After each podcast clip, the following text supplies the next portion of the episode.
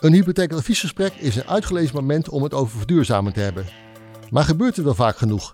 Ik praat hierover met Justus Bijk, ESG-manager bij Hypotheken. Ik ben Paul Nijssen en dit is de ASR Hypotheekgids. Eén onderwerp in vijf minuten, speciaal voor financieel adviseurs.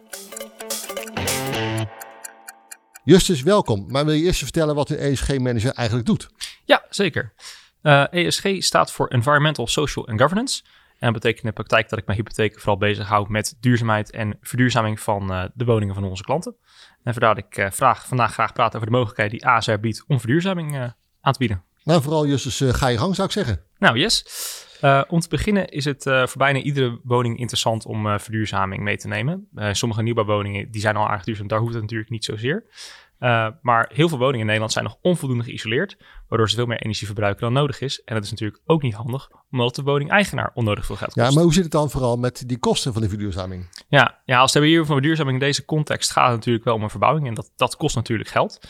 Uh, maar bij een uh, dergelijke soort investering in je huis levert het uiteindelijk ook juist weer geld op. Mm -hmm. door bijvoorbeeld isolatie te installeren bespaar je dus al op de energiekosten en dat verdien je dus na verloop van tijd weer terug. Als je verduurzaming met een hypotheek meefinanciert, betekent dat ook wel dat je op dit moment hogere hypotheeklasten krijgt. Maar ja, uit, als je die uh, maatregelen hebt geïnstalleerd, heb je daarna ook wel een lagere energierekening. Ja, nou, ik denk, ik denk wel dat we kunnen stellen dat verduurzamen op zich natuurlijk een heel actueel thema is.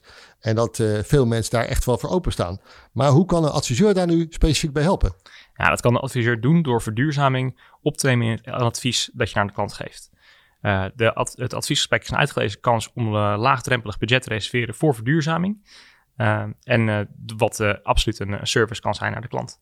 Tijdens het adviesgesprek kun je als onderwerp het op meerdere manieren mogelijkheden aankaarten. het klant staat op dat moment al open voor tips en adviezen over, over financiering.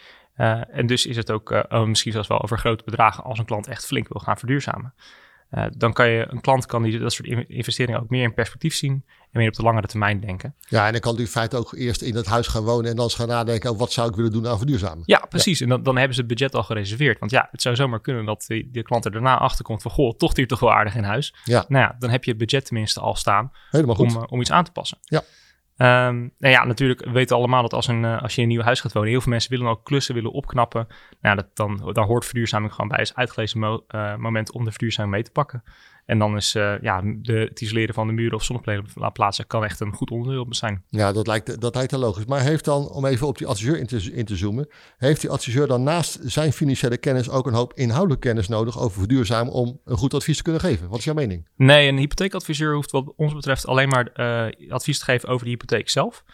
Uh, wij als ASR uh, proberen de klant het zo makkelijk te mogen maken en zoveel mogelijk uh, ja, kennis aan te reiken aan de klant voor de, over de verduurzamingsmogelijkheden. De adviseur hoeft zich echt alleen maar te richten op het financiële plaatje. Nou, dat zullen de meeste als muziek in de oren doen klinken. Maar wat als de adviseur benieuwd is naar de inhoudelijke informatie over verduurzamen? Waar kan hij dat bijvoorbeeld vinden? Nou, één, één punt waar je dan bijvoorbeeld kan kijken is essent.nl slash ASR. Dat is de webpagina die we hebben gemaakt samen met onze partner Essent waar uh, je laagdrempelig energieadvies kan vinden met uh, de bijbehorende berekeningen. En uh, voor klanten is ook ons platform Duurzaam Wonen echt interessant, waar wij klanten inspireren over hoe ze duurzamer kunnen gaan wonen. en als je echt objectieve informatie wil, is ook milieucentraal.nl echt een aanrader voor inhoudelijke kennis. Mm -hmm. ik wil ook even meegeven dat het ook handig is als adviseur om bijvoorbeeld een rekening te houden met het bouwjaar van de woning. het is natuurlijk logisch dat woningen wat ouder zijn, dat daar meer verduurzaamd kan worden. Woningen uit de jaren 80 of de jaren 70, ja, daar moet kan, is mogelijk dat ja. er echt wel een stuk meer verduurzaamd moet worden dan ja. woningen die recenter gebouwd zijn. Ja, op zich klinkt dat heel logisch. Maar om terug te komen op de financiële advies over verduurzaming. Hoe maakt ASR de financiering voor dat stuk gemakkelijk voor de klant? Ja, dat doen we bijvoorbeeld door de verduurzamingshypotheek standaard aan te bieden als vinkje op het renteaanbod.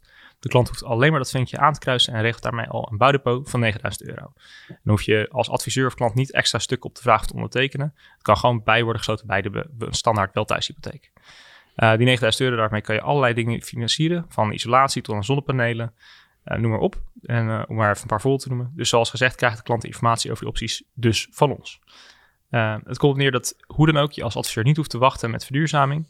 Uh, bij een adviesgesprek kun je de klant erop wijzen dat je voor ongeveer dezelfde maatlasten comfortabeler en duurzaam zou kunnen gaan wonen. Ja, dus je kunt er vast voor die klant als, als adviseur zijn het geld regelen, terwijl de klant later gaat besluiten wat hij mee gaat doen. Precies. Maar dat brengt me toch nog wel bij een vraag, want uh, stel dat depot staat een poosje en stel je voor die klant gebruikt het depot niet of, helemaal, of, of een deel ervan. Wat gebeurt er dan? Nou, als een klant een uh, gedeelte van gebruikt, dan, wat er dan gebeurt is dat het resterende bedrag na de 24 maanden dat het depot open staat, af wordt gelost op het leningdeel.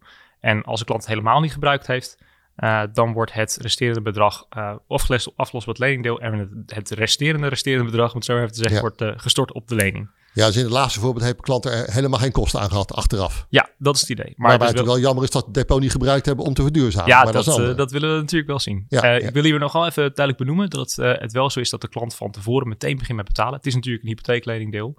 Ook als je het niet gebruikt, heb je ja. van tevoren wel direct maandlasten. Ja, ja, dus hij gaat wel een stukje aflossing betalen, maar nog, maar nog geen rente. Dat ja, is eigenlijk de conclusie. Ja. Bedankt Justus voor je toelichting. En luisteraars, bedankt voor het luisteren naar de ASR Hypotheekflits. Waarmee we je wekelijks bijpraten over actuele onderwerpen. We hebben hier heel veel informatie gedeeld in deze podcast. En wil je die nog eens een keer rustig nalezen, dan kan dat door te klikken op het linkje in de show notes. Dank voor het luisteren. Vind je deze podcast interessant? Abonneer je dan op de ASR Hypotheekflits. Dat doe je op de hoofdpagina van de podcast. Klik op abonneer of follow en je ontvangt automatisch een seintje als er een nieuwe aflevering is.